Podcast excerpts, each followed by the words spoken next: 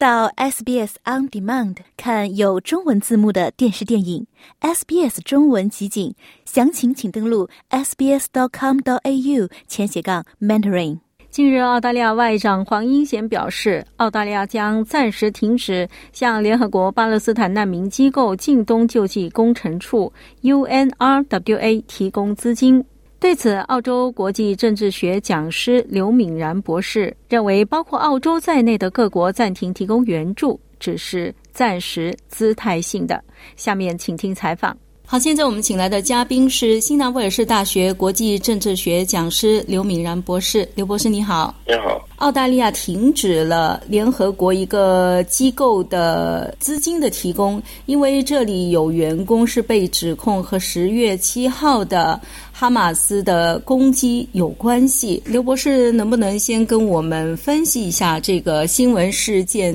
的来龙去脉？联合国这个人们探讨这个机构呢，它叫做。联合国近东巴勒斯坦难民救济与工程处，或者说有的时候就叫做联合国巴勒斯坦难民救济与工程处。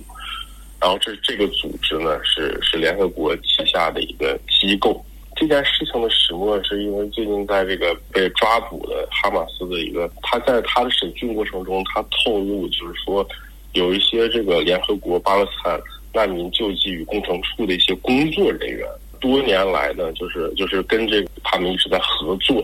而且呢，其中呢有人参与了这次对这个以色列领土的袭击，这就是这件事情的这个来源。然后在此之后呢，很多国家呢就停止了他们对于这个联合国巴勒斯坦难民救济与工程处的这个资金资助。目前我知道有美国、加拿大、英国、德国、意大利、荷兰。澳洲、呃，瑞士还有芬兰，可以说是一个影响非常大、最近人们都在关注的一个事件。这个机构的人员和这个袭击有关系的起因是什么？嗯，它是这个一九四九年成立的一个一个组织，是一个非常呃历史悠久的一个组织。它主要的目的就是在在于帮助救济呃，在这个一九四八年第一次中东战争。之后流离失所的呃巴勒斯坦人，还有他们的这个后代，这个机构基本上目前负责在这个地区五百万左右的难民的这个生计，而且呢，它本身拥有三万名左右的这个呃员工，可以说就是一个非常大的一个一个组织，它有三万名左右的雇员。呃，现在目前据报道呢，是有十二人参与了这个对于以色列的这个袭击，呃，所以说这是一个。怎么说呢？呃，作为这么大的一个组织，呃，拥有三万名员工，还有负责这么重要的一个一个事情、一个任务啊。目前据报道，还是有其中十二人参与了这个对于以色列的这个袭击。我觉得更有可能的，这个是一些个人行为，因为呃，拥有三万名员工的这么一个机构呢，你很难说去限制。每一个人的这个他自己的这些意愿，就好比一个非常一个拥有几万人的一个学校，你很难因为几个人挂科，你就质疑这个学校这个教育质量。第一个非常紧迫的问题就是说，如果这些提供援助的国家，包括澳大利亚，都停止给这个机构提供资金，原来的想要解决的问题怎么办？对，这确实是一个非常重要的问题。目前呢，这些国家对于这个机构的这个资助的暂停呢，肯定是会在一定程度上影响这个机构的这个运营。但是呢，估计在短时间之内不会，呃，从根本上破坏目前的这种，呃，它的这个已经已经在运行的这个机制吧。所以说呢，我希望呢，目前这种呃这些国家的这个对于这些事情的这个呃暂停资助呢，我更希望他们是呃为了表达他们。呃，各自的一个态度吧，希望在呃尽快呢，这个事情有一个圆满的解决。因为我觉得从长久来看，这个联合国呃近东巴勒斯坦难民救济与工程处是一个非常非常重要的一个机构。当地的这些五百多万难民呢，在很大程度上是指望这个机构对他们的生计啊提供一些最基本的一些帮助。所以说，我认为虽然目前是遇到一些困难，但是我还是。呃，认为这个机构是非常有价值，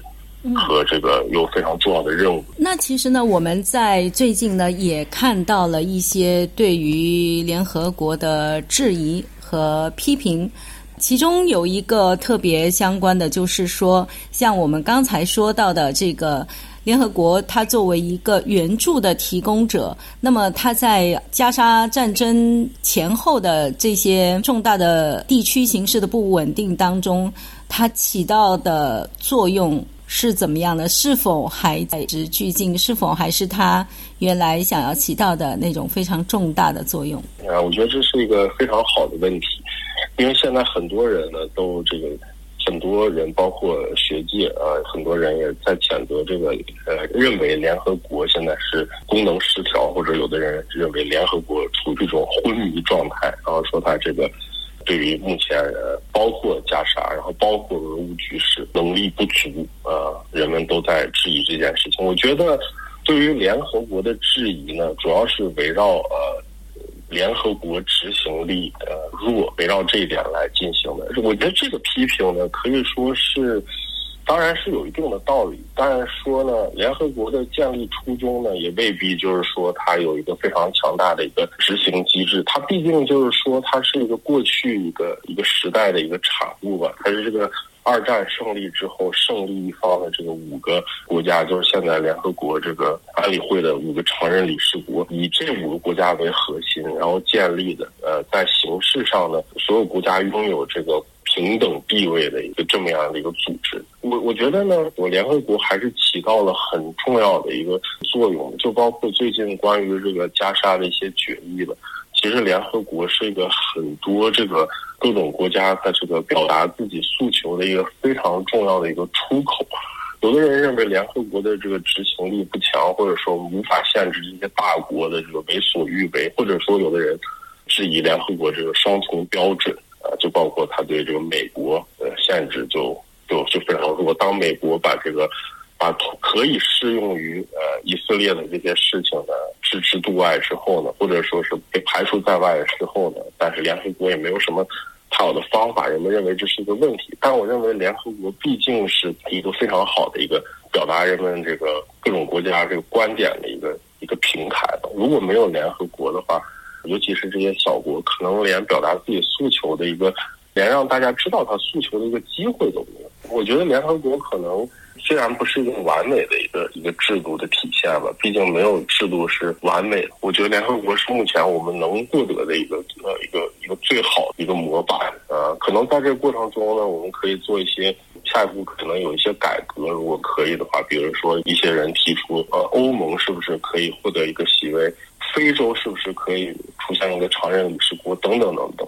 这些改革呢，我觉得在未来可能都是有必要的。但是呢。从另一个角度来来说的话，它可这些改革肯定是会受到目前的这些常任理事国的抵制，呃，因为毕竟影响到他们的这个既得利益。总体来说，我觉得联合国虽然是一个不完美的组织，呃，但是我们现在并没有什么特别好的其他的替代方法，这是我对于这件事情的看法。那我们最后回到今天我们谈的这个新闻事件，因为刚才您也说了，这个有可能是参与到这个事件当中的员工呢，他的比例其实是非常小的。那为什么各国要做出这么大的反应呢？这个事情到现在看来说还很难说，但是我不认为呃他们只在想要去建立一个替代机构，因为我觉得首先替代机构呢没有必要。如果说你建立一个替代机构，就算你建立一个机构，起一个新的名字，派遣一些新的人员到这儿，你到之后的话，你你真正在履行职责的时候，你还是需要雇佣很多的这个当地人。你最后的这个人员的构成和你和你现在的这个组织可能没有什么本质上的区别。所以说，我觉得呃，替代机构的可能性，建立替代机构的可能性呃，并不大。但是呢，具体这些股这些国家在在多长时间会恢复这个他们对于这个组织的这个资金的支持呢？现目前来说还很难说。所以说这个事情呢，确实值得我们持续关注。好的，那今天我们也非常感谢新南威尔士大学国际政治学讲师刘敏然博士的分析，谢谢你。谢谢。喜欢、分享、评论。欢迎您在 Facebook 上关注 SBS 普通话页面。